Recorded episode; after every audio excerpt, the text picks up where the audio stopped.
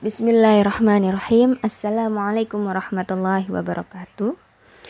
Ukhti filah sekalian yang dirahmati oleh Allah Ta'ala. Insya Allah hari ini saya akan menyampaikan sebuah tausiah yang berjudul Merindukan surga dan berlomba dalam kebaikan. Ukhti filah sekalian yang dirahmati oleh Allah Ta'ala beriman bahwa surga adalah hak yang disediakan hanya untuk orang-orang beriman dan diharapkan atas orang-orang kafir selamanya, itu adalah bagian dari keimanan kita kepada hari akhir. Dalilnya berdasarkan firman Allah Ta'ala,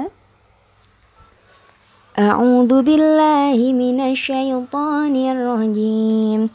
وسارعوا إلى مغفرة من ربكم وجنة عرضها السماوات والأرض والأرض أعدت للمتقين dan bersegeralah kamu kepada ampunan dari Tuhanmu dan kepada surga yang luasnya seluas langit dan bumi yang hanya disediakan untuk orang-orang yang bertakwa. Quran Surah Ali Imran ayat 133 Maka Pertanyaan kemudian yang harus kita tanyakan kepada diri kita adalah, apakah kita benar-benar merindukan surga? Sudahkah kita kemudian termasuk golongan yang menjadi penghuni surga? Uhtifilah sekalian yang dirahmati oleh Allah Ta'ala, itulah yang harus kita pikirkan hari ini sehingga kita akan benar-benar beramal serius untuk mendapatkan surga. Siapa saja yang mengingkari surga, neraka, hari kebangkitan, atau hisab, dia termasuk orang-orang kafir, karena ini termasuk ke dalam rukun iman. Karena ada nas-nas kot'i, subut, pasti sumbernya, dan kot'i dilalah, pasti maknanya, yang telah menjelaskannya itu semua. Uhtifilah sekalian, mari hari ini kita belajar siapa saja yang menjadi penghuni surga, yakni ada beberapa macam yang bisa kita ketahui. Semoga kita termasuk golongan di antaranya. Yang pertama adalah para nabi, orang-orang yang jujur, syuhada, dan orang-orang yang soleh. Hari ini berdasarkan dari Quran Surah An-Nisa ayat 69. Dan barang siapa yang mentaati Allah dan Rasulnya, mereka itu akan bersama-sama dengan orang-orang yang dianugerahi nikmat oleh Allah, yaitu para nabi, para sodikin, orang-orang yang mati syahid, dan orang-orang soleh. Mereka itulah teman yang sebaik-baiknya. Yang kedua adalah orang-orang yang berbuat baik atau al-abrar. Allah Ta'ala berfirman, dalam Quran Surah Al-Mutaffifin ayat 22. Sesungguhnya orang yang berbakti itu benar-benar berada dalam kenikmatan yang besar atau surga. Berikutnya adalah orang-orang yang terdahulu masuk Islam yang didekatkan kepada Allah. Allah Ta'ala berfirman dalam Quran Surah Al-Waqi'ah ayat 10-12. Dan orang-orang yang paling dahulu beriman, mereka lah yang paling dulu masuk surga. Mereka itulah orang yang didekatkan kepada Allah berada dalam surga kenikmatan. Yang kemudian Ashabul Yamin, yaitu orang-orang yang menerima buku catatan amal dari sebelah kanan. Dan golongan kalangan dan golongan kanan, alangkah bahagianya golongan kanan itu berada di antara pohon bidara yang tidak berduri dan pohon pisang yang bersusun-susun buahnya dan naungan yang terbentang luas dan air yang tercurah dan buah-buahan yang banyak yang tidak berhenti buahnya dan tidak terlarang mengambilnya dan kasur-kasur yang tebal lagi empuk. Quran Surah Al-Waqi'ah ayat 27. Kemudian golongan Al-Muhsinun, yaitu orang-orang yang senantiasa berbuat baik dengan ikhlas dan sesuai aturan syariah Allah. Hal ini berdasarkan Quran Surah Yunus ayat 26. Bagi orang-orang yang berbuat baik dan pahala yang terbaik, surga dan tambahannya. Dan muka mereka tidak ditutupi debu tebal dan tidak pula kehinaan. Mereka itulah penghuni surga, mereka kekal di dalamnya. Kemudian golongan as-sabirun, yaitu orang-orang yang bersabar. Allah Ta'ala berfirman dalam Quran Surah Ar-Ra'd ayat 23. Surga Aden, yaitu yang mereka masuk ke dalamnya bersama-sama dengan orang-orang solih dari bapak-bapaknya, istri-istrinya, dan anak-anaknya. Sedang malaikat-malaikat masuk ke tempat-tempat mereka dari semua pintu sambil mengucapkan, Salamun alaikum bimang sobartum. Maka alangkah baiknya tempat kesudahan itu. Kemudian orang yang takut saat menghadap Tuhannya. Berdasarkan firman Allah Quran Surah Ar-Rahman ayat 46.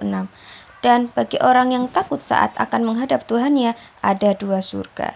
Kemudian al-muttaqun, yaitu orang-orang yang bertakwa. Allah Ta'ala berfirman, Sesungguhnya orang-orang yang bertakwa itu berada dalam surga-surga taman serta didekatkan dengan mata air yang mengalir.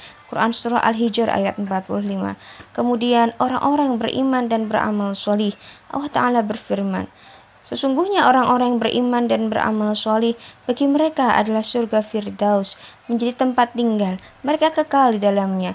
Mereka tidak ingin berpindah daripadanya. Quran Surah Al-Kahfi ayat 107 dan 108. Kemudian at-taibun yaitu orang-orang yang bertaubat. Allah Ta'ala berfirman, kecuali orang yang bertaubat, beriman dan beramal solih, maka mereka itu akan masuk surga dan tidak dianiaya atau dirugikan sedikit pun. Quran Surah Maryam ayat 60. Yang ke berikutnya, kenikmatan surga apa saja kenikmatan surga yang akan diberikan oleh Allah Ta'ala kepada orang-orang yang bisa masuk ke dalamnya?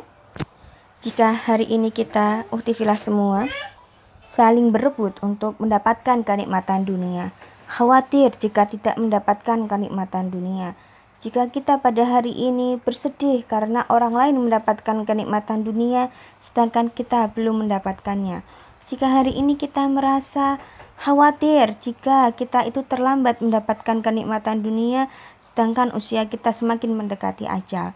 Jika kita hari ini merasa risau dan galau bahwa kita belum mencapai keinginan-keinginan kita, padahal mungkin orang-orang di sekitar kita sudah mendapatkannya. Sungguh ingatlah bahwa kenikmatan dunia itu begitu sebentar tapi kenikmatan akhirat itu begitu kekal. Itulah yang sejatinya harusnya menjadi tujuan akhir kita, bukan kenikmatan dunia, namun kenikmatan akhirat.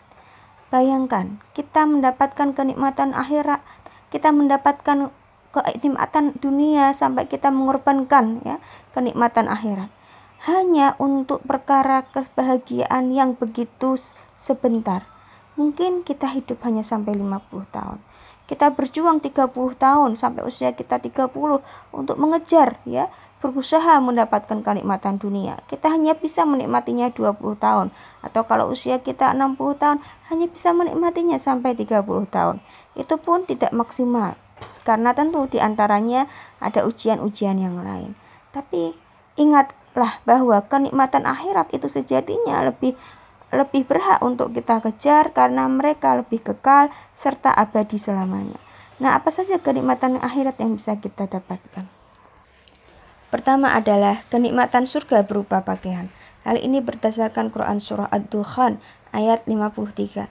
Mereka memakai sutra yang halus dan sutra yang tebal, duduk berhadap-hadapan. Kemudian kenikmatan surga berupa makanan dan minuman berdasarkan Quran Surah Al-Waqi'ah ayat 28 sampai 32.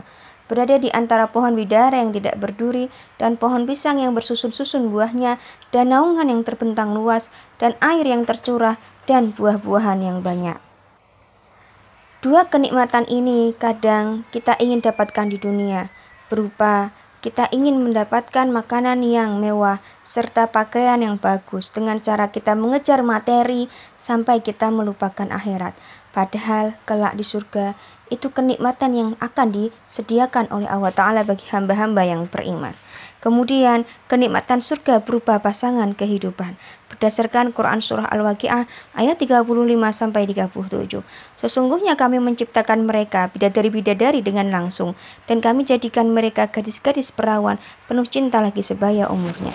Bagi kita di dunia mungkin kadang bersedih dengan jodoh yang tiada kunjung datang atau kita khawatir jika kita tidak mendapatkan jodoh yang terbaik sehingga kadang menempuh jalan-jalan yang haram sebagaimana mendekati aktivitas zina, beraktivitas kemudian berzina atau e, berbuat selingkuh dengan pasangan yang lain tidak dengan ikatan yang halal.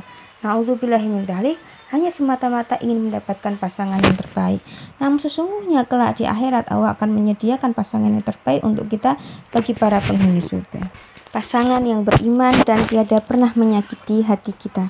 Kemudian pasangan yang bisa terpercaya. Kemudian Allah juga menyediakan kenikmatan surga berupa pelayan berdasarkan Quran surah Al-Insan ayat 19. Dan mereka dikelilingi oleh pelayan-pelayan muda yang tetap muda. Apabila kamu melihat mereka, kamu akan mereka mengira mereka mutiara yang bertaburan. Kemudian kenikmatan-kenikmatan surga berupa perkara-perkara yang diinginkan. Contohnya Quran Surah Az-Zuhruf ayat 71.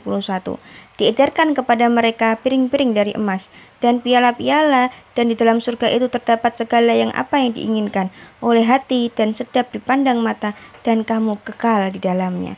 Kemudian itulah yang dapat didapatkan oleh orang-orang yang bisa mendapatkan kenikmatan surga. Semoga Allah Ta'ala memberikan kepada kita kemampuan bisa masuk ke dalamnya. Adapun ada perkara-perkara yang kemudian akan dijaga oleh Allah Ta'ala dari ahlu surga serta dijauhkan dari mereka. Contohnya, Allah Ta'ala menghilangkan rasa dengki di dalam diri para penghuni surga berdasarkan Quran Surah Al-Hijr ayat 47. Dan kami lenyapkan segala rasa dendam yang berada dalam hati mereka. Kemudian kepayahan dan kelelahan pun dihilangkan. Mereka tidak akan merasa lelah di dalamnya. Quran Surah Al-Hijr ayat 48. Kemudian Allah Ta'ala akan menghilangkan rasa takut dan sedih. Berdasarkan Quran Surah Az-Zuhruf ayat 68. Hai hamba-hambaku, tiada kekhawatiran terhadapmu pada hari ini. Dan tiada pula kamu bersedih hati. Itulah sekilas gambaran tentang surga. Semoga kita bisa berlomba-lomba untuk melaksanakannya. Terutama di akhir-akhir di bulan Ramadan ini kita bisa memanfaatkannya dengan amal terbaik kita sehingga kita termasuk golongan yang kemudian diridhoi oleh Allah Ta'ala dapat masuk ke dalamnya. Hal ini berdasarkan Quran Surah Al-Baqarah ayat 148. Maka berlomba-lombalah kamu dalam berbuat kebaikan. Di mana saja kamu berada, pasti Allah akan mengumpulkan kamu sekalian pada hari kiamat. Sesungguhnya Allah Maha Kuasa lagi atas segala sesuatu. Dengan berlomba-lomba ke dalam kebaikan, maka di akhirat kelak kita akan mendapatkan surga yang paling tinggi. Al-A'la Iliyin bersama orang-orang yang diberikan nikmat oleh Allah Ta'ala di akhirat. Hal ini berdasarkan Quran Surah An-Nisa ayat 69. Dan siapa yang mentaati Allah dan Rasulnya, mereka itu akan bersama-sama dengan orang-orang dianugerahi nikmat oleh Allah Ta'ala, yaitu nabi-nabi, para sudikin, orang-orang yang mati syahid, dan orang-orang yang solih, mereka itulah teman terbaik eh, sebaik-baiknya. Quran Surah An-Nisa ayat 69. Oleh karenanya, kita sebagai seorang yang menuntut ilmu, apalagi jika kita memilih jalan para pengemban dakwah, siapa yang lebih baik daripada mereka, yakni berlomba-lomba melaksanakan kebaikan dan bersegera memilih ampunan surga dan keridhaan Allah yang besar. Maka yang harus kita lakukan hari ini adalah yang pertama, melakukan seluruh hukum-hukum fardu ain sebagaimana sholat wajib, zakat wajib, saum Ramadan, haji bagi yang mampu, serta memahami perkara-perkara yang wajib untuk kita dalam kehidupan. Jihad untuk mempertahankan diri, jihad yang diperintahkan oleh khalifah melakukan kemudian ketaatan dan memberi nafkah e, bagi keluarganya, bagi seorang laki-laki, menjalin silaturahmi kepada kerabat, bergabung di dalam jamaah Islam atau dakwah kaum muslimin untuk beramal solih, amar ma'ruf nahi mungkar, serta lain-lainnya. Yang kedua adalah melaksanakan seluruh hukum fardu kifayah, seperti misalnya membantu ya menyerukan Islam ke dalam sebuah jamaah serta melakukan amar ma'ruf nahi mungkar. Kemudian kita meminta pertolongan kepada orang-orang yang memiliki kekuasaan untuk bisa menjalankan aturan syariah Islam. Inilah kewajiban-kewajiban yang berupa fardu ain dan fardu kifayah. Seorang hamba tidak akan meraih ridha Allah kecuali dengan telah melaksanakan kewajiban-kewajiban tersebut dan menjauhi perkara-perkara yang haram berdasarkan hadis Rasulullah Shallallahu Alaihi Wasallam. Siapa saja yang menghinakan kekasihku, berarti ia telah terang-terangan memusuhiku. Wahai anak Adam, engkau tidak akan memperoleh apa yang ada di sisiku, kecuali dengan melaksanakan apa yang telah aku wajibkan kepadamu. Oleh karenanya, uktifilah, semoga kita termasuk orang yang kontinu dalam beramal. Beramal. Wa semoga bermanfaat. Assalamualaikum warahmatullahi wabarakatuh.